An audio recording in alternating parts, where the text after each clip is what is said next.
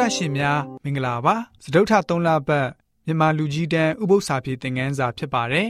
စဒုထ3လပတ်မှာတော့တရားဟောရာကျမ်းမှဖော်ပြသောယနေ့အမှန်တရားဆိုတဲ့ခေါင်းစဉ်ကြီးနဲ့လေ့လာသွားမှာပဲဖြစ်ပါတယ်စက်တင်ဘာလ25ရက်ကနေအောက်တိုဘာလ1ရက်အထိ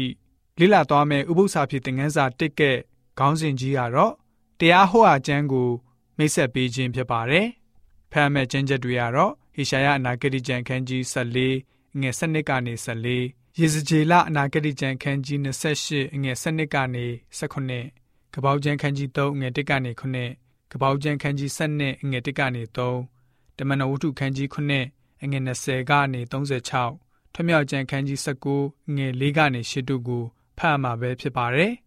အဓိကရွေးချယ်ထားတဲ့ကျမ်းချက်ကတော့ရှင်ယောဟန်ဩဝါဒစာပထမဆောင်ခန်းကြီး၄ငယ်၈ပဲဖြစ်ပါတယ်။ဘယ်လိုမျိုးဖော်ပြထားလဲဆိုတော့ ချစ်ချင်းမရှိသောသူသည်ဖျားသခင်ကိုမသိအကြောင်းမူကားဖျားသခင်သည်ချစ်ချင်းမေတ္တာဖြစ်တော်မူ၏ဆိုပြီးတော့မှဖော်ပြထားပါတယ်။တရားဟောကျမ်းဟာဆိုလို့ရှိရင်အခြေအမြင့်မရှိပေါ်ပေါက်လာတဲ့ကျမ်းတစ်ကျမ်းမဟုတ်ပါဘူး။အရာရာတိုင်းမှာအကြောင်းရင်းရှိသလိုတရားဟောရကျမ်းဟာလည်းပဲအကြောင်းရင်းခံတိတိကျကျရှိပါတယ်။အဲ့ဒီအကြောင်းရင်းခံတွေကို လေ့လာမယ်ဆိုရင်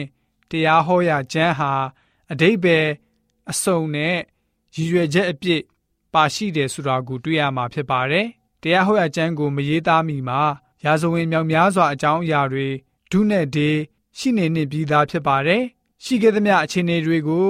ရှင်းလင်းဖော်ပြတဲ့သမိုင်းကြောင်းတွေပြီးတော့ကဘာကြီးအကြောင်းနဲ့ဒေသဆိုင်ရာပတ်ဝန်းကျင်အကြောင်းဖွဲ့စည်းရေးသားထားတာကိုတွေ့ရမှာဖြစ်ပါတယ်။ရည်ရွယ်ရေးသားချက်တွေနဲ့ပတ်သက်ပြီးတော့မှနားလည်ဖို့ခက်ခဲကောင်းရှိပါလိမ့်မယ်။ ကားတစ်စီးရဲ့လေကာမှန်ကိုတန့်ရှင်းရေးလုပ်ပေးနေတဲ့ဝိုင်ဘာရဲ့လှုပ်ဆောင်ချက်နဲ့တူတဲ့လုပ်ရမျိုးလည်းဖြစ်ပါတယ်။တရားဟောအကျမ်းကိုဖတ်ရှုတဲ့အခါမှာနားလည်ရခက်ခဲပါတယ်။အထူးသဖြင့်လက်တလောအမှန်တရားအကြောင်းနဲ့ဆိုင်တဲ့ကိစ္စရဲ့များစွာပါရှိတာကိုတွေ့ရပါတယ်။အချို့သောသူတွေဟာရုရှားလူမျိုးလီယူတိုစထရိုင်ရဲ့စပွဲနဲ့ငင်းကြရေးစာအုပ်ကိုဖတ်ကြပါတယ်။အဲ့ဒီစာအုပ်ဟာစာမျက်နှာ1500ခန့်လောက် ရှိပါတယ်။၃ရက်အတွင်းပြီးအောင်ဖတ်ကြပါတယ်။ဖတ်ပြီးတော့စာအုပ်ရဲ့အကြောင်းကို မေးမြန်းကြည့်တဲ့အခါမှာစာဖတ်သူရဲ့တုံ့ပြန်ချက်ကတော့ရုရှားနိုင်ငံအကြောင်းပါဆိုပြီးတော့ဒါပြန်ဖြေကြပါတယ်။အခုတစ်ပတ်သင်ခန်းစာကိုခြုံငုံကြည့်ရမယ်ဆိုလို့ရှိရင်တော့တရားဟောအကျမ်းကိုမရေးသားမိမှာတော့နှစ်ထောင်ပေါင်းများစွာ